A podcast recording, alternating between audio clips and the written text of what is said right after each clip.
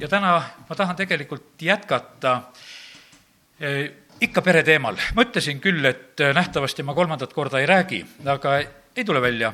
ja ma rääkisin tegelikult eh, pere teemal ka sellel nädalal Uue Antslas, sellel neljapäeva õhtul seal ja, ja ma mõtlesin, et täna võib-olla ma räägin midagi muud, aga ei, see sõnum ei jäta mind maha ja sellepärast ma täna tahaksin jätkata ja jagada sõnumit, mis puudutab just ka peret ja perekonda oleme seda nimetanud nendel eelmistel kordadel, et tugev pere ja siis oli juba tuge, tugev pere kaks, olgu see siis see tugev pere kolm.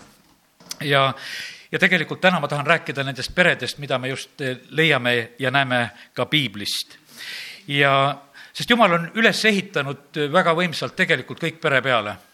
see, et, et sina siin ilmas oled olemas, see on tänu mehele ja naisele, see on tänu kahele inimesele, see on tänu perele sellepärast et jumal ei olegi teistmoodi mõelnud.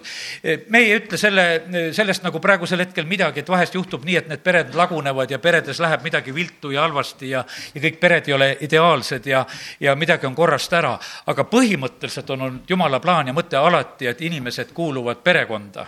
Nad sünnivad perekonnas, nad kasvavad perekonnas, neid õpetatakse perekonnas, neid hoitakse ja, ja sellepärast jumal on pere teinud no nii olulise ja, ja tähtsa koha. juba esimene perekond perekond siin selles maailmas, Aadam ja Eeva, eh, tegelikult nad elavad üle väga raske hetke, kui nende pojad ei saa enam omavahel läbi, üks tapab teise eh, veel hullem, see on jumala teenimisega seotud asi, nad toovad ohvrit. ühe ohver võetakse vastu, teise ohvrit vastu ei võeta ja nendel tekib nii raske ebakõla, et üks tapab teise. ja no milline valu, milline raskus, milline tragöödia tegelikult on sellel hetkel eh, selles perekonnas. ja sellepärast, kallid, need tragöödiad ja valud eh, on patu langemisest saadik perekondades olemas ja sellepärast ma usun seda, et, et eh, kui me praegu seda külge nagu meelde tuletasime, siis seda valu ja tragöödiat on peredes võtta kui palju ja väga mitmel moel, mis on ka tegelikult sündimas. aga vaatamata sellele tegelikult on Jumal ikkagi eh, mõelnud nii, et, et pere on ikkagi see õnnistuse paik ja ta ei ole hüljanud ja ta ei saa mitte kunagi hülgama seda oma plaani. ja ta tahab alati õnnistada perekonda, ta tahab alati õnnistada meest ja naist. ja, ja sellepärast olgu täna meie palve, et, et suhted võiksid olla korras. et suhted võiksid perekonnas olla korras, mehe ja naise vahel, laste ja vanemate vahel korras. jumal on ise seda tõotanud, et, et tema tahab pöörata vanemate südameid laste poole ja laste südameid vanemate poole ja et, et jumal on selle taga, et ta tahaks, et perekonnas võiksid olla asjad hästi. austa oma isa ja ema, et su käsi võiks käia hästi ja, ja sellepärast nii see on. Äh, tegelikult me jumala rahvana, kes me oleme siin samamoodi, ka see on perekond ja, ja sellepärast on see niimoodi, et, et jumal ei ole ka teistmoodi näinud oma rahvast ette siin selles maailmas, ta ütleb, te olete õed ja vennad. me, me oleme perekond siin, kes me oleme täna ka koos.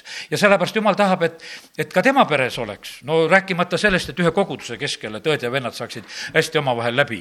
et kõik kogudused võiksid hästi läbi saada, see on, see on tegelikult jumala plaan ja tahe, et tema perekond võiks elada armastuses siin selles maailmas. et see täiuslik side võiks olla. no mis rääkida maa peal juhtunust, eks juba taevas juhtub see, et jumala peres tegelikult on ebakõlad sees. me teame, saatana langemine ei saa ju kuskilt mujalt algust, kui see saab taevast alguse seal on juba temal oma ambitsioonid, asjad ja, ja tegelikult on nii, et jumal korraldab selle asja kähku ja kõrvaldatakse eh, see vastuakt, mis on ja, ja, ja sellepärast seal on jälle uuesti rahu. ja sellepärast, aga nüüd on see saatan siin selles maailmas ja, ja meie vahest oleme nagu imestanud, et kuule, et miks need asjad nagu kuidagi tungivad meie peredesse, et mingisugused valed asjad, tülid, rahutused, isegi igas heas peres võib olla ühtäkki niimoodi, et kõik oli nagu hästi, päev oli isegi nagu ilusasti, aga ühtäkki on kuskilt nagu mingi tüli sisse kolinud, tuleb kuskilt sisse. aga kallid, meile on antud meelevald astuda kõige vaenlase väe peale. tema ei häbene kõige paremasse kohta tulla, ta tahab igale poole tulla. ja sellepärast on nii, et meie peame tegelikult nendes olukordades eh, tegelikult olema julged ja, ja peame ka eh, valitsema kui neid piibliperesid vaadata, siis üks alguse eh, perekond, üks väga oluline perekond on Noa pere jumal leiab ühe perekonna ja Noa koha pealt on öeldud, et ta oli õige ja, ja sellepärast jumal valib selle pere. ja esimese Moosese seitse üks on öeldud ja issand ütles Noale, mine sina ja kogu su pere laeva, sest mina olen näinud, et sa selle rahvapõlve see, seas oled minu ees õige. ja, ja nii, et jumal teeb oma valiku, ta leiab ühe pere ja sellepärast teate, jumala lahendused on perede kaudu jumala lahendused on perede kaudu kogu aeg. selle maailma rahvas luuakse ühe pere kaudu. veeuputuse järgne rahvas jätkatakse ühe pere kaudu. Iisraeli rahvas sünnib Jaakobi pere kaudu. pere kaudu on lahendused.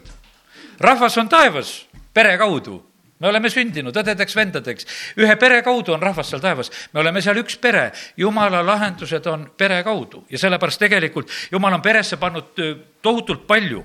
Ja, ja teate, need õnnistused ja needused, millest me räägime ja loeme, need on sellised asjad, millest jumala sõna nagu väga selgelt räägib, ütleb, et, et ta tahab õigeid õnnistada, näiteks psalm sada kaksteist on öeldud, esimene kuni kolmas salm halleluuja, õnnis on mees, kes kardab issandat, kellele väga meeldivad ta käsud. võimsaks saab tema seeme maa peal, õiglaste sugu õnnistatakse, vara ja rikkus on tema kojas ja tema õigus püsib ikka. Jumal õnnistab õigeid. aga teate, mis ta teeb õelatega? õelet ta koristab ära Neid varsti ei ole, sa vaatad taset, teda ei ole. tuul puhub, käib tast üle, teda ei ole. ja sellepärast see on tegelikult jumala sõna tõotus, et, et muistrahvast lihtsalt lõpetab olemise. ja nüüd, kui sa täna oled siin, sa oled elus, tähendab, sa oled nii õnnistatud perest ja suguvõsast olnud veel, et sul on veel elu kingitud. ja sellepärast on see nii, et, et ela nii, et sinu järel ka veel elu jääks järgi sellepärast, et see ei kaoks nagu selliselt ära, aga vaata, see on suur õnnistus, et meie, me oleme elavate maal ja psalm kakskümmend viis, kaksteist kuni neliteist on öeldud, kes iganes kardab issandat, seda ta õpetab teele, mis tuleb valida. selle hing viibib heas põlves ja ta sugu pärib maa. issanda osadus on neil, kes teda kardavad ja ta annab neile eh, teada oma lepingu nii et jumal on tõotanud seda, et õiged pärivad maa ja sellepärast on need, kes teevad ülekohut, need peavad kaduma. see on jumala sõna, see kehtib ja, ja tema ise vastutab selle täitumise eest. ja, ja sellepärast meie täna lihtsalt ainult võime neid asju meelde tuletada. ka meie Eestimaast on tegelikult eh, käinud tohutult raskeid aegu üle ja ma siin tuletasin meelde ja just seda Põhjasõja aega, seda suurt nälja ja katku aega ja, ja tegelikult need ei olnud mitte sugugi naljaajad. kui siis oli, ütleme, see suur sõda, mis oli siis Rootsi kuningriigi vastu, Venemaa sõdib, Saksimaa sõdib, Taani sõdib, kõik nad sõdivad, on seesamune periood. tegelikult see Rootsi aeg toob Eestimaale õnnistuse, meil on Tartus ülikool, asjad lähevad oma rada, aga tegelikult oli see ka lõpuks pärast väga tõsine katsumise aeg. E, e, katk, mis tuleb Eestimaa rahvale kallale sellel perioodil, see on aastatel kuskil seal e, tuhat kuussada kuuskümmend viis kuni tuhat kuussada üheksakümmend, see on nii raske et isegi ülikoolis ei toimu nendel aastatel üldse õppetööd. väga suur osa rahvastikust hävib ja kui see katk saab mööda, siis tegelikult nelja aasta pärast tabab Eestit Eh, väga suur viljaikaldus ja viljakasvatus on eh, väga ebasoodsates tingimustes ja suvi järgmisel aastal, üheksakümne viiendal on väga, väga külm. heina ei saadud teha, rukkis ei õitse ega valmi.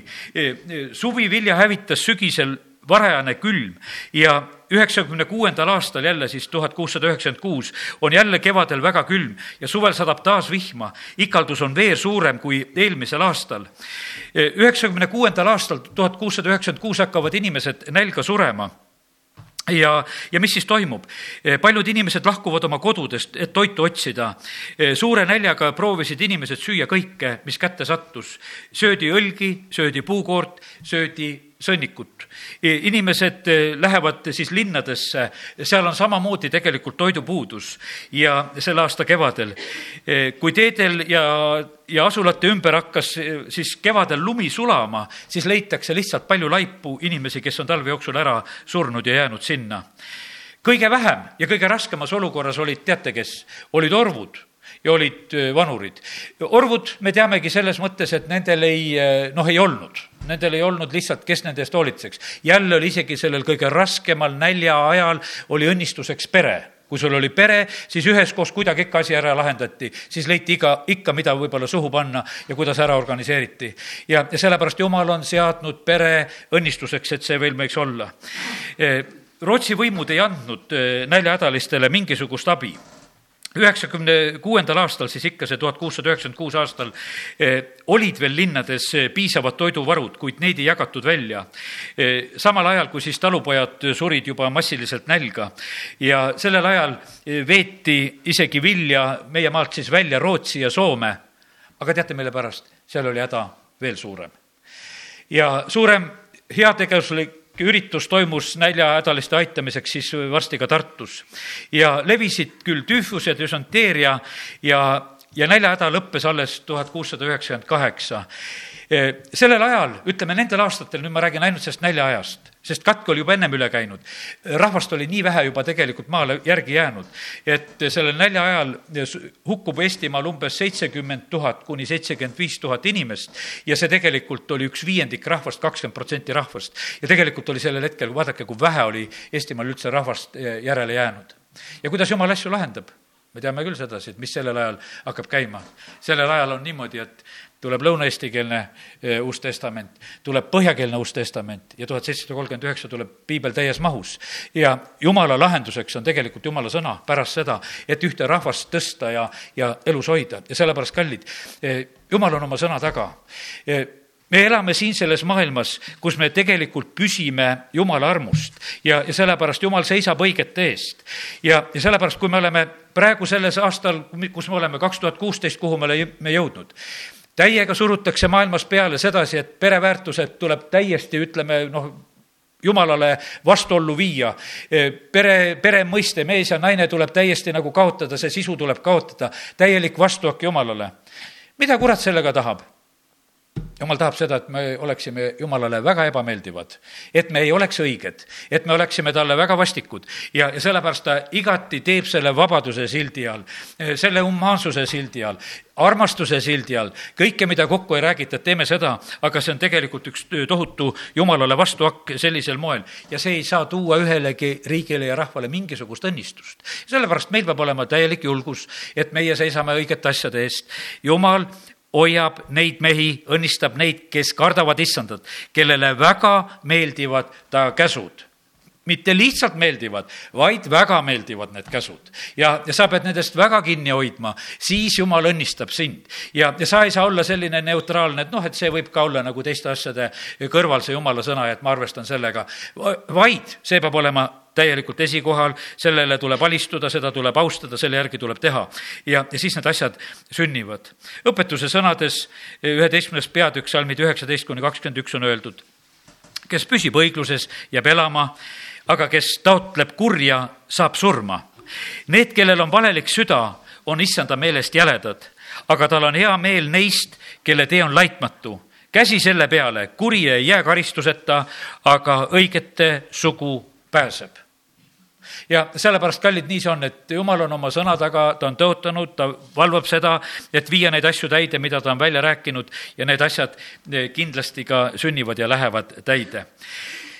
jumal õnnistab neid, kes teda kardavad. kas või Moosese sünni eel on see selline aeg ju, et, et kui Vaaro annab käsu, et neid Iisraeli poeglapsi tuleb tappa, need ämmaemandad kardavad Jumalat ja nad ei tee seda. Ja sõna ütleb sedasi, et jumal kinkis nendele suured pered.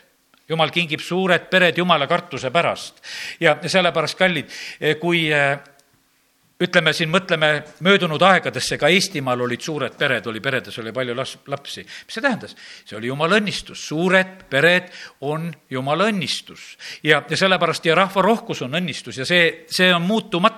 Sellepärast, et jumalale meeldivad inimesed, jumal armastab inimesi, jumal on inimesel loonud, jumal on elu kinkinud ja siit maailmast jumal kogub rahvast taevasse. ta valmistab uut taevast ja maad selle jaoks, et siit sellest maailmast need inimesed võiksid elada seal igavesti ja, ja sellepärast on see nii, et, et meil ei ole õigust nagu üldse selliselt mõelda, et noh, et, et meie siin nagu mõtleme, et kui palju seda rahvast või kuidas või mis vaid tegelikult see on jumala plaan ja tahe, et inimesed siin selles maailmas sünnivad ja elavad ja kasvavad ja leiavad teda ja, ja leiavad siin ka siis selle igavese elu ja, ja pääste, mis tegelikult äh, tuleb jumala kaudu. nii on, peret ei asenda siin selles maailmas mitte miski mitte miski ei saa peret asendada, mõtle, kui hea asi tahes välja, seda ei asenda mitte millegagi. Jumala kogudust ei asenda siin selles maailmas mitte miski. mõtle, mis sa iganes välja mõtled, kui toreda asja välja, mitte miski seda ei asenda. ja sellepärast need asjad, mida jumal on loonud, need on asendamatud ja, ja sellepärast nende asjade eest tuleb meil seista, eh, võidelda ja, ja selle kaudu eh, tegelikult eh, tuleb meile õnnistus. võtame nüüd Vanast Testamendist veel ühe perekonna ja see on Abrahami pere. ja kui suur see Abrahami pere siis oli? Sellepärast, et meile võib tunduda see nii, et kes me Abrahami lugu teame, me teame seda, et ta tuleb oma isa kodust, ta tuleb koos Lotiga, nad tulevad. Ja, ja siis on selline lugu, et äh, tal on väga kena naine, Saara, aga tal on seesama probleem, et äh, lihtsalt järeltulijat ei sünni ja, ja tegelikult on nagu selles peres üks selline raskus ja õnnetus selle kaudu, et nad tunnevad sedasi, et näed, järeltulijat ei ole, jumal on isegi tõotanud ja rääkinud, et see tuleb. Ja, ja, ja justkui ollakse väga kitsas ja, ja raskes olukorras. aga nüüd aga milline see tegelikult Abrami pere siis oli, siis näiteks võiksime lugeda siin eh, ma loen neljateistkümnenda peatüki esimese Moosese neliteist ja sealt eh, neljateistkümnendast salmist edasi kui Abram kuulis, et ta vennapoeg oli vangi viidud, siis ta viis välja oma kodakondsed, kes tema peres olid sündinud, arvult kolmsada kaheksateist. ja ta ajas vaenlasi taga kuni Taanini. ta jaotas öösel oma sulased nende vastu, lõi neid, jälitas neid kuni Hoobani, mis on Damaskusest vasakut kätt ja ta tõi tagasi kogu varanduse, ka Loti, oma vennapoja, tema varanduse ta tõi tagasi, samuti naised ja rahva. paned tähele, mis on Abrahami perest räägitud? kui oli, tekkis vajadus, kui oli, ta nägi, et ta vennapoeg on ära viidud, siis ta vaatas lihtsalt oma peres ringi. ma leian siin praegu kolmsada kaheksateist meest, kellega me läheme milline pere? no milline kogudus? olgu me kogudus, see kolmsada kaheksateist. et meil on, et on need mehed, kel, kellega koos saab minna. ja ta, ta lihtsalt varustab need mehed. venekeelne piibel ütleb, et ta relvastas need mehed. Nad läksid öösel, ajasid tagasi, tal olid need öövaatlusseadmed, tal oli kõik, ta tegi kõik selle öösel ka veel ära. ja ta oli, ja nüüd, kui me loeme Uut Testamenti, me loeme Hebra kirjast usukangelased, me ei loe seda, sellest loost absoluutselt seal. me natukese loeme seal, kui ta seal Melkesedekiga kohtus, aga nagu sellises mõttes, nagu seda lugu ei tõsteta seal, ma mõtlen selles üheteistkümnendas peatükis, nende usukangelaste tegude hulgas seda üles ei tõsteta. sest see oli nii tavaline tegu, mida ta ära tegi ta lihtsalt tõusis, ta nägi, et kuule, mis see on. kuule, minu vennapoeg praegusel hetkel viiakse vangi ja seal käid, käis, ja see sõda ei olnud mitte mingisugune, mingisugune väikene ega tühine sõda. see sõda kestis aastaid ja, ja seal oli selline kuningas, see Gedo Laomeer ja, ja teised kuningad, keda ta läks ja võitis. E, keda nad seal võitsid, kui me näiteks sealt neljateistkümnendast peatükist vaatame see, seal on niimoodi, et, et e, need lõid seal rehvalasi rehvalased olid hiiglased, keda siis need kuningad olid löönud.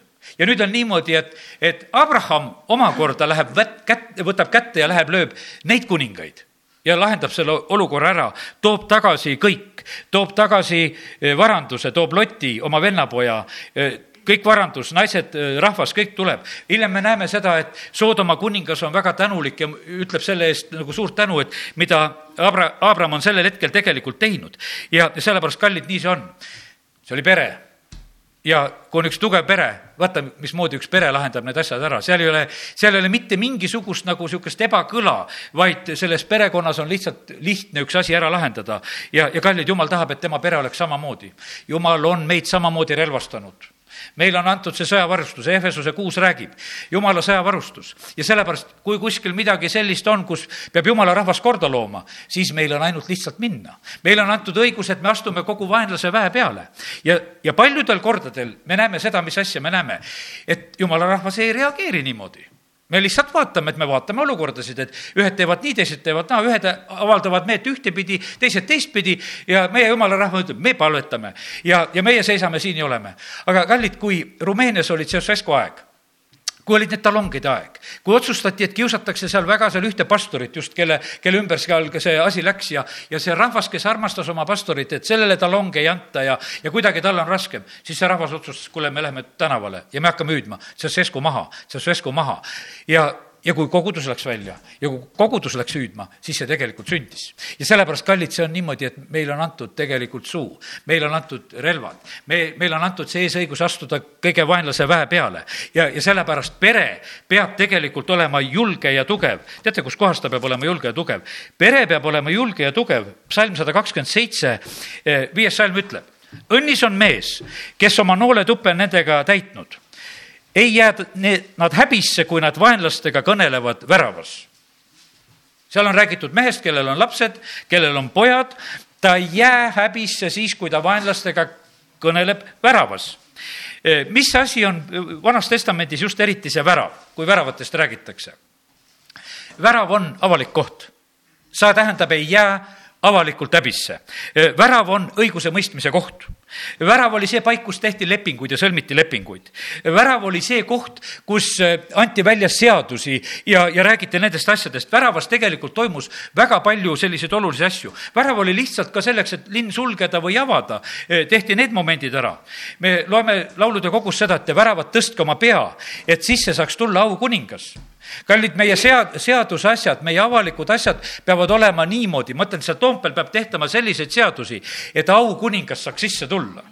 Need väravad tuleb teha lihtsalt nii kõrgeks, see kuningas on väga suur ja kõrge. aga me teeme niisugused seadused, mis mitte kuskile ei kõlba ja siis see aukuningas ei saa sisse tulla. ja sellepärast seaduste tegemise aluseks peab olema Toompeal nii vana kui uus seadus. mulle meeldis väga, üks pastor äh, kunagi ütles sedasi, et no mis meil kristlastena viga, seadusi teha. meil on vana ja uus seadus olemas ja meil on piibliraamat olemas ja meil on seaduse aluseid väga palju olemas, kus seadusi teha. ja tegelikult on see niimoodi, kui me nende seaduste järgi tege-, teeme, siis saab tulla väravast sisse aukuningas. ja, ja sellepärast meil peab olema väravas mõju. me, kui sa oled õnnistatud, kui jumala kogudus on õnnistatud, siis tal peab olema avalik mõju. meid on kutsutud olema soolaks ja valguseks ja sellepärast see perekond, kes me jumala rahvana oleme, me peame selliselt mõjuma siin selles maailmas. me peame olema selleks rahva südametunnistuseks, me peame olema omal kohal, me ei tohi vaikida, vaid meie peame neid asju paika panema, mis on õige, vale, me peame välja astuma ja rääkima tõde siin selles maailmas. ja, ja sellepärast jumalal on selle jaoks oma pere siin selles maailmas ja ta tahab, et tema pere julgelt lahendaks neid asju ja, ja siis tulevad muutused. Martin Luther King seisab oma rahva neegrite õiguste eest sellel hetkel selliselt, et ta samamoodi ühe pastorina otsustab, et ma lähen tänavale, et mul on unistus, et, et see rahvas, mustad ja valged, saaksid elada võrdselt siin sellel, sellel, sellel maal. ja ta hakkab seda täide viima. aga pidi olema keegi, kes tõuseb ülesse isegi Nõukogude võim omal ajal siis ka veel trükkis neid raamatuid ja sest Martin Luther King, see oli sellel ajal ka selline, selline pastor, kellest ka Nõukogude Liit veel rääkis, isegi raamatuid välja andis. ja et me võiksime lugeda ja näha seda, mida ta seal teeb. aga sellepärast oli jälle vaja seda inimest, oli vaja seda jumala meest, kes tegelikult tõuseks ja võtaks kätte ja midagi teeks ja kallid, asjad ei ole muutunud jumal ootab samamoodi, et tema rahvas oleks julge, et ta rahvas tõuseks, et ta rahvas tegutseks ja, ja siis tegelikult on see nii.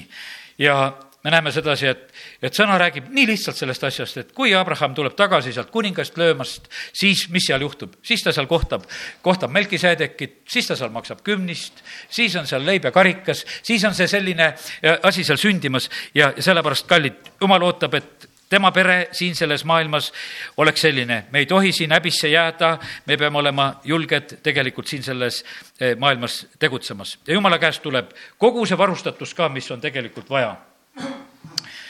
Eh, Abraham lõikab ümber kõik oma peres sündinud ja kõik raha eest ostetud. see on esimese Moosese seitseteist kakskümmend kolm. Eh, niimoodi on räägitud sellest Abram, Abraham võttis oma poja Iismaeli ja kõik oma peres sündinud ja kõik raha eest ostetud. kõik meesterahvad Abrahami pereinimeste hulgast lõikas ta ümber nende eesnahaliha otse sel samal päeval, nõnda nagu jumal teda oli käskinud. ja me näeme seda, et, et, et seal olid kõik. meil on topelt see õigus. meil on tegelikult veel rohkem, kolmekordne õigus, võiks ütelda. me oleme selles peres sündinud, me oleme jumalast vaimul sündinud me oleme lunastatud, me oleme ostetud. ja, ja me oleme usu kaudu ka veel seal. Abrahami usu kaudu ka veel. nii et meil on tegelikult selles, see pereside on tegelikult meil niivõrd tugev ja olemas kui olemas, kuhu jumal on meid tegelikult pannud ja liitnud. ja, ja sellepärast, ja jumal seisab oma perekonna eest ja sellepärast meie võime olla tegelikult väga, väga julgelt selles perekonnas olemas. kuidas Abraham käitub, kui ta annab käsu siis ta seal oma pojale naist otsida, isakile naist otsida, siis ta teeb nii, et ta ütleb oma vanimale sulasele see on esimese Moosese kakskümmend neli kaks, kus ta ütleb oma vanimale sulasele nii, et kes valitses kõige üle, eh, mis tal oli, pane nüüd käsi mu puusa alla. ja neljas salm ütleb, vaid sa lähed mu maale ja mu sugulaste juurde ja võtad sealt naise mu pojale Iisakile. ja me näeme sedasi, et vaata, milline oli tegelikult see eh, Abrahami pere. Seal on sulane, kes valitseb kõige selle üle, mis tal tegelikult on. Sest et meil sageli võib jääda nagu ne, selline pilt, et vaata, ta oli selline mees, et elas telkides ja neid altarid ta ehitas, üks palvemees ta oli, hüüdis Jumala poole, vaatas tähti, luges liiva ja aga tegelikkuses oli ta selline mees, et kui oli vaja, läks sõtta, tegi kõik need asjad ära, tal oli tegelikult kõik väga võimsalt oli paigas. ja, ja see oli nii loomulikult paigas, sest jumal oli tõotanud, et ta teda õnnistab. et see kõik on lihtsalt olemas ja, ja nii see oli ja, ja nii see sündis ja sellepärast kiitus Jumalale jumal tahab õnnistada peresid ja ma usun seda, et me tahame, et jumal õnnistab peresid aastal kaks tuhat kuusteist, kes, kes me siin oleme, igat meie pereliini ja jumal kindlasti tahab seda teha. jumal on valmis alati õnnistama, ta otsib alati, kus ta saaks õnnistada. jumal tahab õnnistada kogudusi, me oleme valmis, me tahame Jumal, et õnnista kogudust aastal kaks tuhat kuusteist, õnnista ka siin paigas. ja, ja nüüd järgmine selline mõte, mida jagan, ongi see ka veel, et esimese Moosese kakskümmend kuus on räägitud, kuidas Jumal õnnistab Iisakit kaksteist kuni neliteist salm sealt. ja Iisak külvas seal maal ja sai sel aastal sajakordselt, sest issand õnnistas teda. ja mees läks rikkaks, läks üha rikkamaks, kuni ta oli läinud väga rikkaks ja temal olid lamba ja kitsekarju ja veisekarju, palju peret, nõnda et vilistid teda kadestasid. ja edasi me võime sealt lugeda, et vilistid, mis nad hakkavad tegema, nad hakkavad kaevusid kinni ajama ja tegutsema. ja kallid, me räägime õnnistustest, me palume õnnistuste pärast, aga teate, kui õnnistused tulevad, tead, mis siis juhtub? siis tuleb kadedus. vaata, kui, kui sa oled oma sellise viletsa palvesooviga, et oled haige, vilets hädaline ja sul on seda ja teist ja kõik vaja, siis kõik sind lohutavad, oh, kallis õde, sul on väga tore. aga kui sul hakkab juba väga hästi minema, ei siis su tänusoovi peale nii rõõmsalt kõike naerata, et kuule, täna kõik laulame halleluuja sinuga koos, et vaata, kui hästi sul on läinud. kadedus on võtta kui võtta asi siin selles maailmas. ja sellepärast, kallid, täna ütleme selle aasta alguses ärme käitume vilistide moodi, ärme oleme kadedad kuskil. Ja tead, üleüldse on niimoodi, kui kuskil on õnnistust, no seal on jumala käsi mängus ja kui kuskil on jumal õnnistanud, õnnistab ta siin koguduses või õnnistab ta teises koguduses, siis ei ole mitte midagi muud, see on jumala õnnistus. ja sellepärast ärme oleme kadedad, ärme lähe kunagi selle asja vastu, mida, mida jumal on tegemas. tunneme tegelikult sellest rõõmu ja me saame tegelikult sellest ise osa ja sellepärast täna lihtsalt tuletan ka seda meelde, et, et me tahame õnnistuste poole liikuda, aga siis me peame olema valmis ka teatud sellisteks raskusteks, kus vahepeal keegi tuleb ja tahab natukese kaikad kodarasse pilduda, tahab kaevusid kinni ajada, tahab mingisugused hädasid sulle korraldada, et sul nii libedalt ei läheks.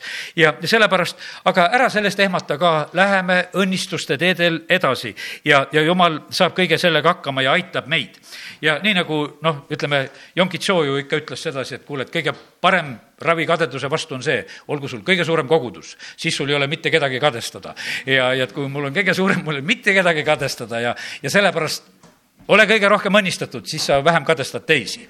ja, ja sellepärast, nii et küsi julgelt õnnistusi, ära häbene neid küsida. ja, ja see, see tegelikult muudab su meelsuse. aga ole armuline, ole õiglase suhtumisega ka kõigisse teistesse. ja ära tunne rõõmu teiste õnnetustest ja asjadest ja, ja sest et vaata, selles vanas loomuses on see nii, nii võtta kui võtta no näed, juhtuski õnnetus, tead, ja niisugune kerge naeratus käib ka üle, no näed, läkski nii ära tunne rõõmu sellest asjast. aga see, aga selles meie loomuses on see vahest nii, nii sageli olemas. ja, sellepärast, kallid eh,, olgu nii, et eh, teeme selle otsuse selle aasta alguses ka, et me tahame olla ise õnnistatud, me tunneme ära jumala õnnistused ja tunneme rõõmu. on need meil või on need teistel? Eh, räägime täna veel nüüd ühest perekonnast, kui me täna peredest veel räägime ja nendest perede õnnistusest. Eh, Jakobi pere. no Jakobi perest sünnib üks rahvas ja sellepärast, kallid, peredest sünnivad võimsad asjad ja sellepärast sellest jumala perest, kus meie oleme, sündigu võimas asi edasi. jumalal on vaja seda peret. Ja sellepärast hoiame seda peret, hoiame õdede-vendadena kokku, sest et jumal tegelikult tahab, tahab tarvitada, kasutada no Jakob läheb oma seitsmekümne hingega, läheb Egiptusesse. ja, ja siis on niimoodi, et lähevad aastad, nelisada aastat, nelisada kolmkümmend aastat, kui see rahvas sealt tuleb välja, sealt tuleb kaks pool miljonit välja. sellepärast, et mis seal juhtub? jumal hakkab tegelikult väga õnnistama seda, seda rahvast. ta õnnistab neid Egiptuses väga ja väga. Nad saavad sinna parimasse maakonda. tegelikult Jumal, Jumal hoolib nende eest väga, Jumala õnnistused lausa tabavad neid selles paigas. see rahvas kasvab ja, ja sealt tulebki jälle ühel hetkel on Vaaro kade, ta vaatab, et mis asi see on, et see, see Heebrea rahvas, kes tuli ja need on kasvanud niimoodi eh, väga suureks. ma loen siit nüüd esimese Moosese kolmkümmend viis ja, ja teisest salmist natuke edasi ja Jakob ütles oma perele ja kõigile, kes olid koos temaga, kõrvaldage võõrad jumalad, eh, kes teie keskel on ja puhastage endid ja vahetage riided ja me võtame kätte ning läheme üles Peetelisse ja teeme sinna altari Jumalale, kes mind kuulis mu ahastuse ajal ja oli minuga teel, mida käisin. ja nad läksid teele ja viies salm aga hirm Jumala ees lasus ümberkaudseil linnadel ning need ei ajanud taga Jaakopi poegi. ja Jaakop jõudis Luusi, see on Peetelisse Kaanani maal, tema ja kogu rahvas, kes oli koos temaga. ja sellepärast, kallid, pere tugevus on see ka, kui jumala rahvas on puhas, puhastage endid. kõrvaldage võõrad jumalad, eh, kes on teie keskel, puhastage endid, vahetage riided. Eh, jumal tahab seda, seda, et me, jumala rahvas võiks olla puhas, et ta saaks meid õnnistada. ja jumal tahab seda, et me teda teeniksime, et eh, et meie ehitaksime neid altareid, et me tooksime ohvreid. see, see ei ole mitte mingisugune noh, ütleme selline tühine asi. see on niivõrd oluline ja tähtis asi vaimses maailmas. sellepärast ilma ohvriteta ei sünni siin selles maailmas mitte kui midagi. ka, ka kuradi teenrid, kes on siin, nad toovad suuri ohvreid, nad toovad väga suur, suuri ohvreid, et väge saada. ja sellepärast vaimne maailm elab niimoodi, et, et meie oleme nende jaoks tõeliselt olemas siis, kui kuhu me paneme oma parima, kuhu me paneme oma ohvrid. no Malachi raamat algab sellest ja ütleb, et jumalale kuulub kõige parim. ja ma kuulasin siin sellel nädalal veel korraks üle ühte jutlust, mida Andrei Zapovalov rääkis Tallinnas olles siin möödunud aasta märtsikuus, siis ta noh, see konverentsi teema oli see, et need iidsed väravad, et peavad oma pead tõstma ja tõusma. ja, ja iidsete nende portaalide avamine või kuidas see konverentsi pealkiri täpselt oli. ja, ja ta räägib sellest, et me peame leidma üles selle, mis on sulle kõige kallim. mis on sulle kõige kallim. see vahest on meile täiesti selline võib-olla omaette küsimärk, et mis asi on mulle kõige kallim. jumal märkab ära küll, mis sulle on kõige kallim ja ta saab sellest väga hästi aru. ja tegelikult on jumal on alati niimoodi, et mis on sulle kõige kallim, seda tema küsib.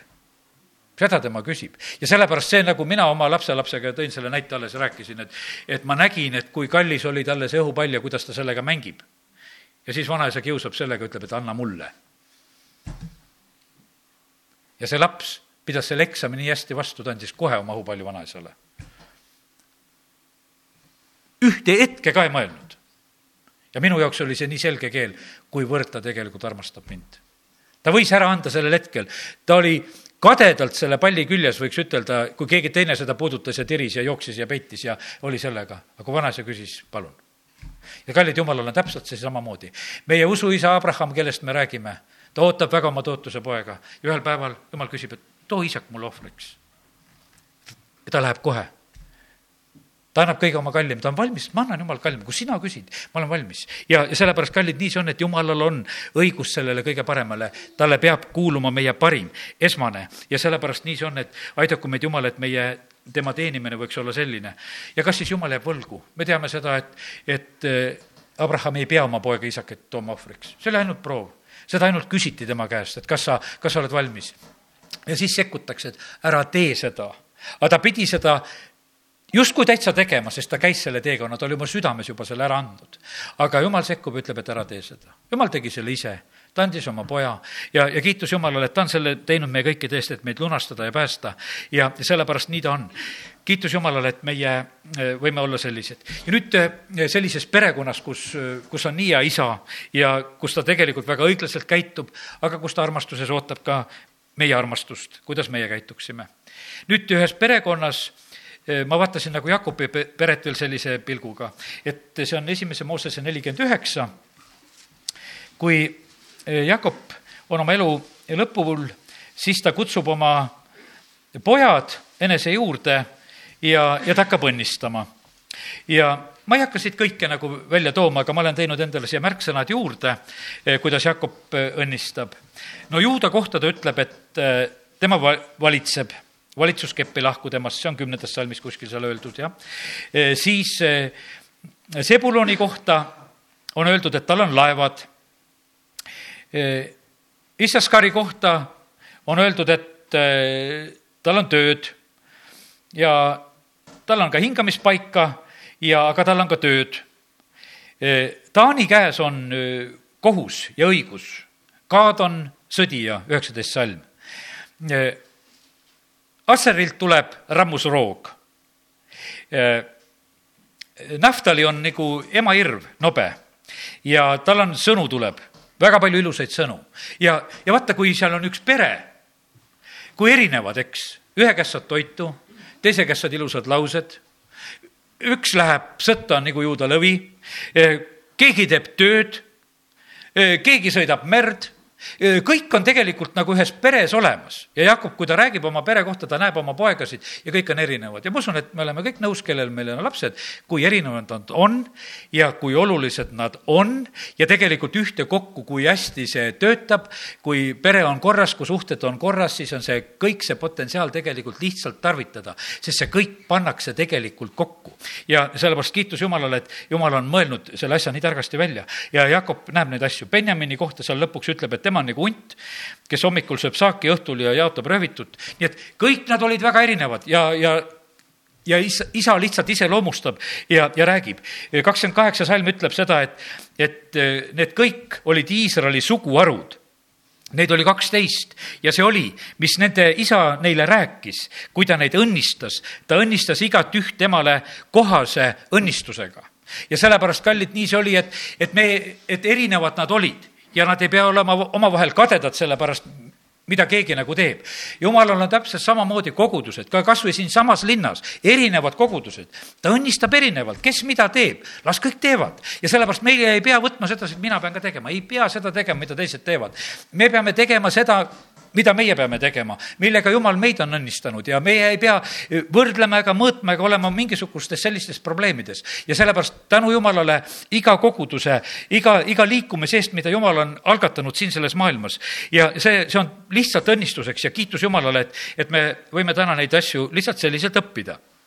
ja, ja nii on, selle ühe pere kaudu ja siis sünnib tegelikult suur rahvas pere kaudu sünnib suurt rahvast ja jumal saab sellega hakkama ja sellepärast jumal saab siin ka samamoodi hakkama. laseme jumala õnnistustel edasi minna ja las need õnnistused tulevad tema perede kaudu ka siin selles linnas. Jumal oma päästeplaani, kui ma tulen nüüd Iisraeli rahva Egiptusest väljatoomise juur-, juurde, kuidas ta toob Egiptusest ühe oma rahva välja siis? ta tarvitab selleks jälle ühte peret seal on üks eh, perekond, Levi soost mees ja üks Levi tütar, kes abielluvad. Eh, nad jäävad eh, lapseootele, nad toovad ilmale poja. selle poja nimeks saab Mooses eks, teda peidetakse alguses kolm kuud, sellepärast et on aeg selline, kus tegelikult oleks pidanud see poeg saama hukatud, niilusesse visatud. isa ja ema teevad hoopis nii, et nad teevad ühe pilliroost laeka, pigitavad seda maapigiga ja vaiguga ja panevad selle eh, lapse siis jõe äärde kõrkjasse ja siis on jälle pere mängus, siis öeldakse õele, sina lähed nüüd passima, mis selle lapsega seal edasi saab, pere, mitte mingisugune juhuslik valvur raha eest, et kuule, me maksame sulle, et vaata, mis seal saab. ei, õde, sina lähed praegusel hetkel valvad, sellepärast pere, nii tugevalt oli pere kogu aeg nagu selles asjas. ja siis on see õde, oo, Vaaro tütrel, ma tean ühte, kes oskab imetada, kes seda asja tunneb ja saab hakkama ja toob lapse ema. pere oli kogu aeg tegelikult mängus, see oli jumala plaan ja sellepärast, kallid, pere on nii vahva asi.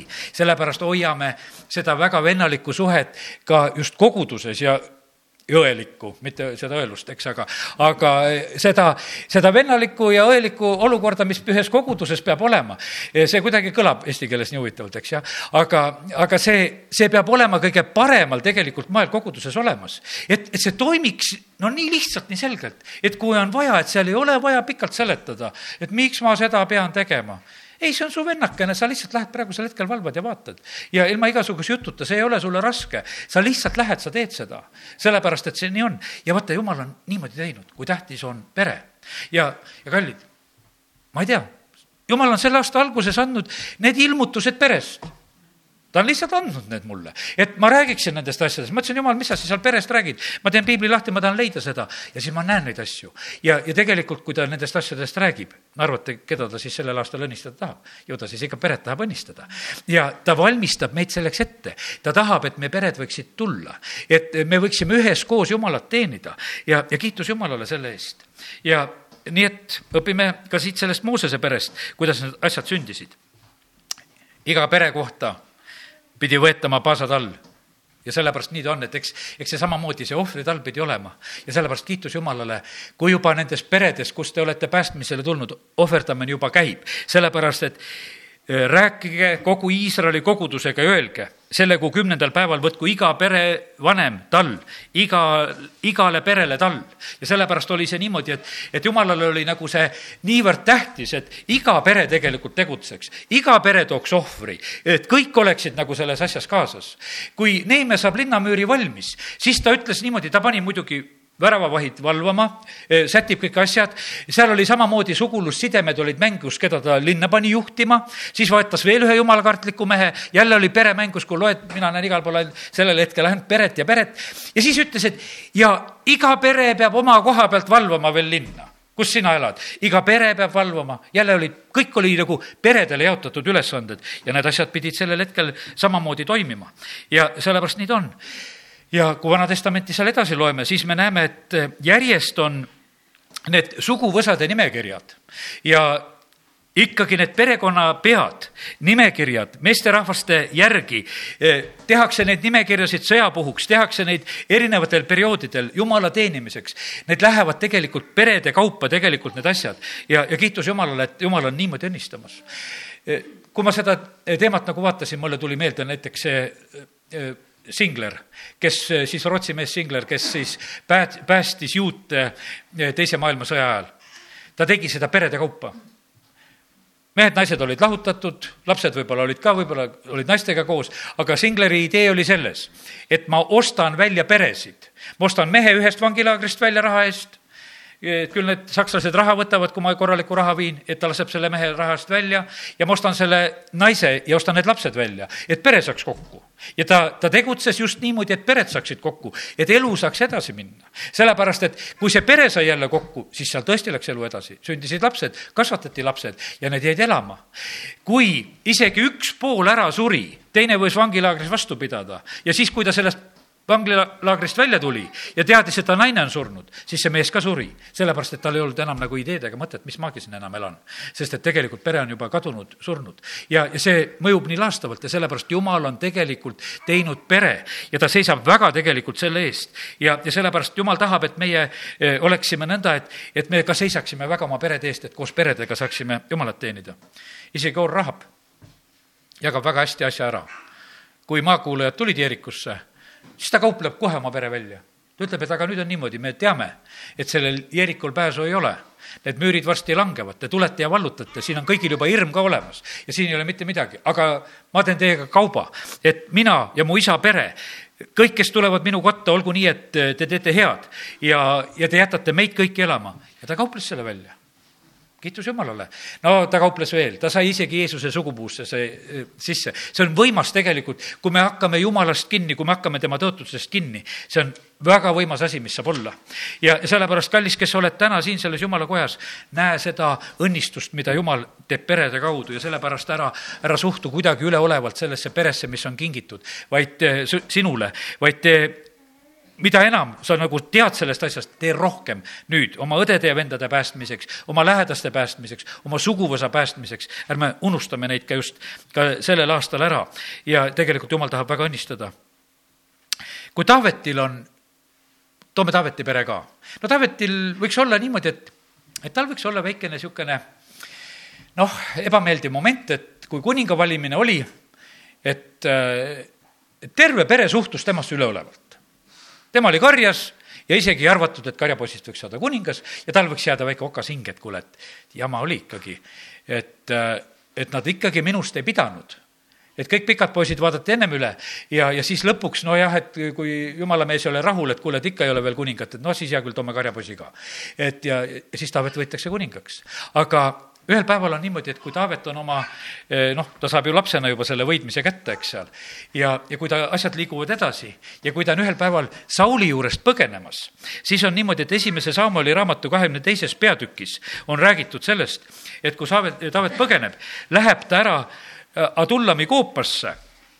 Ja teate, kes sinna tulevad, kakskümmend kaks üks on öeldud, kui tema vennad ja kogu ta isa pere sellest kuulsid, läksid nad sinna alla tema juurde ja ta juurde kogunesid kõik, kellel oli kitsas käes, kel oli võlausaldaja ja kes olid siis hinges kibestunud ja ta sai nende pealikuks. tema juures oli ligi nelisada meest. pane tähele, milline pere oli Taavetil äkki olemas. ja sellel hetkel on niimoodi, et, et ta, need eh, vennad ja isa ja keegi kuidagi ei, ei eira enam teda me teame, et kui ta läheb sinna koljati juurde võitlusessegi, et no kuule, mis sa tulid seda taplust vaatama ja sul niisugune süda ja tahad näha veriseid asju ja, ja mängid neid arvutimänge ja sulle meeldib igasuguseid asju vaadata ja vahtida ja, ja no lihtsalt süüdistavad nooremat vennakest, et oled niisugune meil. aga nüüd on niimoodi, et sellel hetkel nad kõik tegelikult tulevad. tulevad ilusti. me tahame olla sinu juures praegusel hetkel. ja nad on kõik tegelikult väga koos. ja, ja teate, eh, millise ilusa südamega tegelikult on Taavet. Eh, loeme täna seda viiekümne seitsmendat laulu ka siia vahele. seda laulu, mida Taavet selles Adullami koopas laulis. ja, ja sellepärast võib-olla oled sina selles Adullami koopas. võib-olla on niimoodi, et ma pidin tegelikult isegi peaaegu ühele inimesele selle psalmi saatma, kellel kitsam hetk oli, aga jäi mulle see saatmata. aga ma täna loen siin kõigile praegusel hetkel ja, ja loeme seda psalmi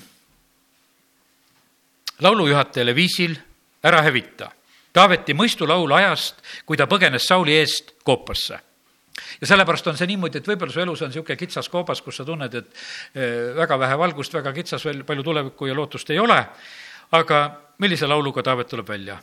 ole mulle armuline, Jumal, ole mulle armuline, sest sinu juures otsib mu hing pelgupaika.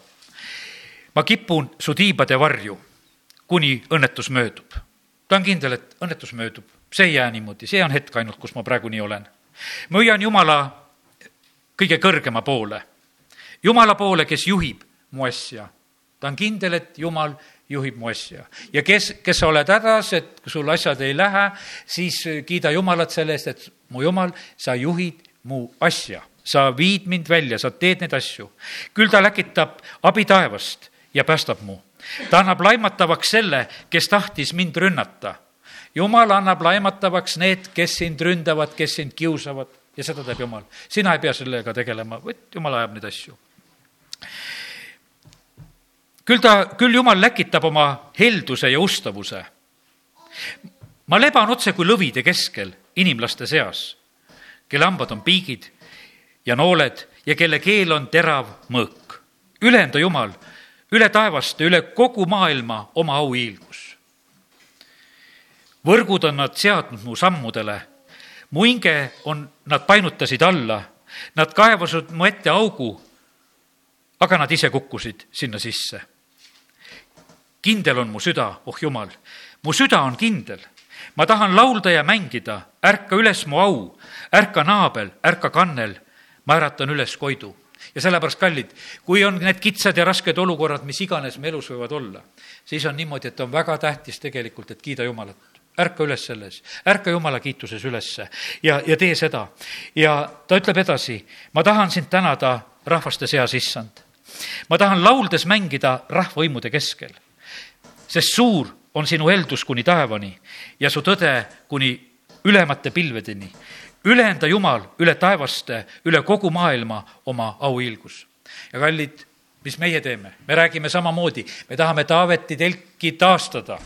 sellepärast, et, et Taavet oli selle palvega, et rahvaste keskel oleks, et muudki rahvad otsiksid Jumalat ja tegelikult need asjad täituvad, vaata, kuidas üks, üks palve tegelikult läheb täide, ta on seal koopas ja, ja meie oleme ikka need, kes me tegelikult väga paljuski just ka tänu Taavetile ja tema palvele oleme need, kes me tahame tegelikult eh, Jumalat kiita.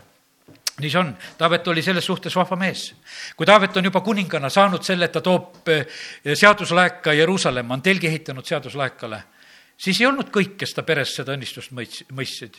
Mikael ei saanud sellest asjast aru, no mida ta seal tantsib, mida ta seal kargab, mida ta seal kiidab.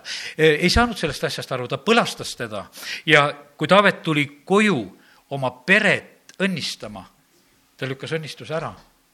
ja me teame ta lugu, et ta oligi nii, et ta jäigi õnnistusest ilma. ja sellepärast, kui tähtis on tegelikult see õnnistuse liin, kui tähtis on see, et me oskaksime seda tahta ja oskaksime seda ka eh, vastu võtta. kui jumal kingib Iisraelile järgmise niisuguse pereteemalise momendi, mis ma leidsin, selle aja, kui juudid saavad Paabelist tagasi kodumaale. Siin on nüüd siis Esra, Esra ja Neemia aeg siis tegelikult kuidas see asi läheb? jälle minnakse eh, Juuda ja Benjamini perekondade peameeste ja preestrite ja leviitide juhtimisel. jälle nagu pered mängus, et see sünnib nagu sellisel, eh, seal on niisugune perede algatus et meie teeme, meie lähme, meie võtame praegusel hetkel selle asja kätte ja meie lähme ehitame üles eh, issanda koja Jeruusalemmas ja me teeme seda ja sellepärast jumal tarvitab alati, alati peresid. Neemia oma raamatu alguses ütleb seda, et, et üks kuus on öeldud sedasi, et olgu nüüd su kõrv tähelepanelik ja su silmad lahti kuulma oma sulase palvet, mis ma nüüd sinu ees palvetan päevad ja ööd. Iisraeli laste, su sulaste pärast, millega ma tunnistan Iisraeli laste patte, mis me sinu vastu oleme teinud. ka mina ja mu isa pere oleme pattu teinud ja sellepärast, kallid, küllap on seda, kus on on pattu tehtud. oleme teinud ise pattu, on teinud meie isapere pattu ja sellepärast on need encounter'i teemad ja asjad, mis on olnud, me palume neid asju andeks see on nii kohane, et meie tuleksime oma palvetega just sellisel moel Jumala ette ja paluksime neid asju andeks ka. ja, ja nii ta on, et äh, ka Neeme on just selle koha pealt väga, väga suureks eeskujuks veel üks äh, selline moment, need on tegelikult teravad momendid, mis olid äh, Iisraeli rahva elus ja võtan Estri ajast selle, kui käsk on välja antud, et kõik juudid tuleb hävitada. ja nüüd on kuninganna Ester sellel hetkel niisuguse kaalu peal, et kas ma ütlen või ei ütle, kas ma lähen kuninga ette midagi tegema ja rääkima ja nagu püüdma seda olukorda päästa või mitte. ja siis on niimoodi, et, et Estri raamatu neli neliteist on öeldud, sest kui sa sel ajal tõesti vaikid, tuleb juutidel abi ja pääste mujalt, aga sina ja su isa pere hukkute ja kes teab, kas mitte ei olegi just selle asja pärast pääsenud sa kuninglikku seisusesse. ja sellepärast, kallid, see on nii, et need, kes saavad, osutuvad valituks, kes osutuvad valituks volikogudesse, kes saavad linnapeadeks, peaministriks, kes saavad ministriteks, kes on Riigikogus, no mille pärast nad seal on? Nad on sellepärast, et teha õigeid asju. et teha neid väravaid kõrgeks, et aukuningas saaks sisse tulla. kas mitte selle asja pärast ja sellepärast palvetame iga jumala kartliku mingisuguses positsioonis oleva juhi pärast, et ta julgeks seda olla. sest et seal on sul võimalus, kas sa vaikid või julged ütelda.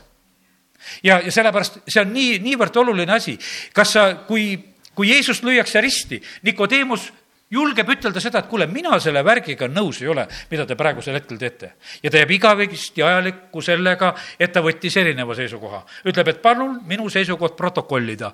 mina ei hääleta teiega poolt. ma ei võta siin mingit erapooletut seisukohta praegusel hetkel, ütled, et kuule, et noh, ma ei saa vist hästi aru ja ma ei tea ja mul ei ole veel ja ma pean veel mõtlema ja ei, mul on seisukoht ja sellepärast, kallid, olgu see nõnda, et, et palvetame täna ka nende juhtide pärast, kes on mingites positsioonides ja teate see on nende endi õnnistus, see on terve maa ja rahva õnnistus, see on nende perede õnnistus, sellepärast et kui nad on nendes positsioonides, siis tegelikult on see eh, väga vastutusrikas hetk.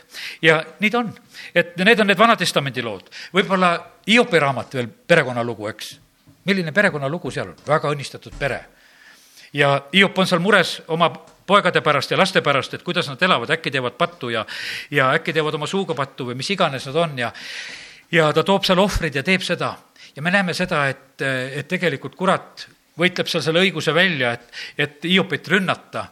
aga ta elab üle suure kaotuse. ta auta, austab Jumalat selle juures. aga kuidas on Jumala lahendus lõpuks? jälle pere, jälle lapsed ei ütelda, et kuule, et noh, et kuule, vanamees, et, et sul üks luksuslik vanadekodu, et ja, ja seal olgu sul igasugu hooldajaid ja värke seal ja, ja noh, et niisugused natuke paremad voodid ja asjad, et üles-alla keeravad ja. Ei, vaid et me kingime jälle sulle pere. Ja, ja, ja sina saad oma päevad veeta ja lõpetada selliselt jälle. Ja sellepärast see on jumala lahendus. no kuidas Uues Testamendis on, see oli puha ju Vana Testament, eks. teate, Uues Testamendis on samamoodi, jumal päästab perede kaupa. kui ma lihtsalt vaatasin, Uues Testamendis on täpselt samamoodi, et jumal hoolitseb perede kaudu. isegi Jeesuse eest hoolitses, et tal oleks väga armas pere, et oleks Maarja ja oleks Joosep. ei olnud selline, et lihtsalt mingisugune ükstapuha, kes teda kasvatab, ikka pidi olema, pidid olema õed ja vennad, pidi olema kõik see. ja selles keskkonnas pidi Jeesus ka kasvama. ta sai selles peres tegelikult selle võib-olla kõige raskema rolli. ta oli selles peres ju vanem poeg teised olid nooremad. ja ta pidi võib-olla kandma natukese rohkem, kui kõik teised pere, perelapsed pidid kandma. aga ta oli selles peres, ta pidi, pidi teenima, pidi olema õnnistuseks oma õdedele-vendadele. ja mis siis nad vahepeal ei mõistnud, ütlesid, kuule, et meil on üks hull vend, ajab mingisuguseid usuasju ja ei tea, mis asju teeb ja, ja käib ja palvetab ja räägib ja, ja on selline meil, et oleks vaja koju ära tuua. ta kannatas kõik selle välja. ta võttis kogu oma perekonna. sest et hiljem me loeme sellest, et kõik tulid kõik tulid ja kiitus Jumalale selle eest, et, et ka Jeesuse pere on meile selles mõttes siin maa peal selliseks ilusaks ees, eeskujuks aga me näeme, kuidas Jumal tegelikult päästab, kuidas ta päästab Korneliuse kojas. päästab Korneliuse ja ta pere. kuidas ta päästab Lüüdia ja, ja tema pere, kui see pere sai ristitud.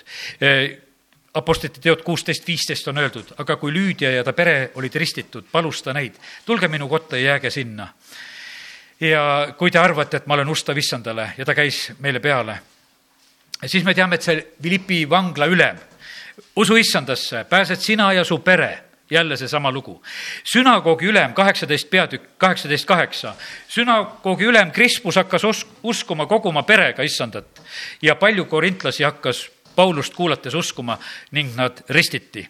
ja, ja sellepärast nii see on, et andku Jumal meile sellel aastal nüüd Eh, kannatlikkust ja armastust eh, ehitada seda laeva oma pere päästmiseks, nii nagu Noa seda tegi. et ta tegi seda innukalt, ta tegi seda armastuses, ta tegi seda usus, sellepärast et tegelikult Jumal tahab, ta tahab päästa peresid.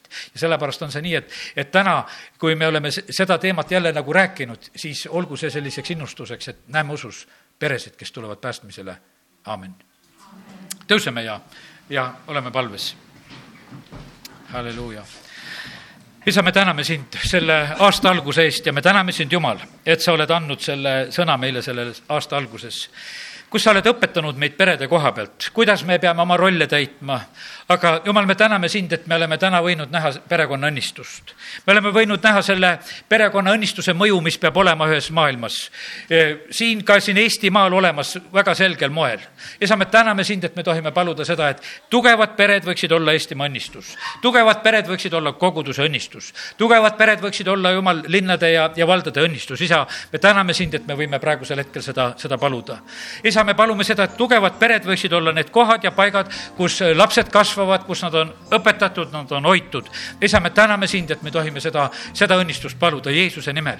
ja isa, me täname sind, et me tohime paluda seda, et samuti meie lähedased, kõik, kes on veel päästmata, et nad tuleksid päästmisele. isa, me paneme siin sinu ette eh, meie lapsed ja lapselapsed, me paneme sinu ette meie õed ja vennad, me paneme su ette isad ja emad, vanaisad ja vanaemad, me paneme igas liinis onud ja tädid ja, ja keda sa iganes meile oled kinkinud ja, ja need suguvõsad, kellega me oleme abiellumiste kaudu kokku liidetud ja, ja jumal, me täname sind, et me tohime usus näha ja paluda, Jumal, välja neid sellest maailmast, isa. kiitus ja tänu ja ülistus sulle. ja me täname sind, Jumal, et me tohime paluda samamoodi ka, et üldse perekonda suhtumine meie maal täiesti muutuks. Jeesuse nimel, isa, me palume seda, et, et see läheks sinu sõnaga kooskõlla. Jumal, et see tõde avaneks, kuidas Jumal, sina oled õnnistuse seadnud ja Jumal, et aukartus sinu sõna vastu võiks tõusta siin meie maal. ja need inimesed ja eriti need, kes on vastutavates positsioonides, kes on seaduseloomes, et nad ei julgeks teha, Jumal, sinu sõna vastu. me palume nende inimeste pärast praegusel hetkel Jeesuse nimel. isa, me täname, kiidame, ülistame sind, et sa oled palvete kuulja, Jumal, ja, ja me võime sel, nende palvetega praegu igatsuses olla sinu ees isa, ma palun samuti jumala rahva perekonna pärast tänasel hommikul. Jeesuse nimel. isa, ma õnnistan seda jumala rahva perekonda, kes on Võrus. ja ma palun, Jumal, et meil võiks olla ühtsus, meil võiks olla armastus, et me võiksime edasi minna, Jumal, sinu plaanides. Jumal, et me võiksime üksteist toetada armastuses. isa, me täname, kiidame, ülistame sind, et me võime praegu seda armu paluda. Jeesuse nimel. me palume, et armastuse täiuslik side võiks olla tugevalt peal. isa, kiitus ja tänu, et me võime praegusel hetkel ka sellepärast paluda. me palume seda üle Eesti otsima kõikidesse kogudustesse. isa, kiitus ja tänu ja au ja ülistus sulle, et me võime seda igatseda ja paluda. ja isa, me palume samuti seda, et, et me võiksime olla sinu pereliikmetena need julged, eh, kes me võtame need positsioonid, mis on vaja võtta. isa, ma palun, et need väravapositsioonid, et need avalikud positsioonid, et need positsioonid, kus seadust luuakse, jumal, võiksid olla need õnnistatud pered kohal, võiksid olla õiged kohal. isa, me palume seda, et eelolevad valimised, nii kohalikud eh, kui ka Riigikogu valimised Eestimaal võiksid olla need, kus õigete pered oleksid esindatud. isa, me palume seda Jeesuse nimel. me täname sind, Jumal, et see on sinu tahe. sa oled ütelnud seda, et sa tahad õnnistada ja et nad ei jää väravas häbisse. ja sellepärast me täname sind, Jumal, et me võime täna neid asju välja rääkida. isa, me tänan sind, et, et me, me võime praegu seda üheskoos paluda, et, et ka see mõistmine sellesse võiks kasvada. isa, kiitus ja tänu ja ülistus sulle, et see vastutuse mõistmine, mis sa oled meile pannud. isa, me palume seda, et meil oleks Abrahami usku usku, et kui on vaja tormata võitlusesse, et me relvastaksime kõik oma need eh, pereliikmed, kes on sündinud ja me läheksime ja võidaksime ja võtaksime tagasi, mida vaenlane on röövinud ja varastanud. ja sellepärast, Jumal, me ei lepi sellega, kui vaenlane röövib ja hävitab ja röövib meie pereliikmeid ja, ja viib pattudesse, me ei lepi sellega. me, me nõuame neid tagasi, me need, toome neid tagasi ja me toome neid kõigega tagasi. me ei lepi nende laastatud aastatega, kus on aastaid röövitud, kus on terviseid röövitud röövitud, isa, me, me ei lepi nende asjadega, jumal, me tahame näha sedasi, et kõik on nad tagasi toodud. ja isa, me täname, kiidame, ülistame sind, et me võime täna usus selle palve paluda praegu. isa, kiitus ja tänu ja ülistus sulle. me täname sind, Jumal, et sa oled hea ja et sa kuuled palveid, isa, kiitus ja tänu ja ülistus sulle Jeesuse nimel, amen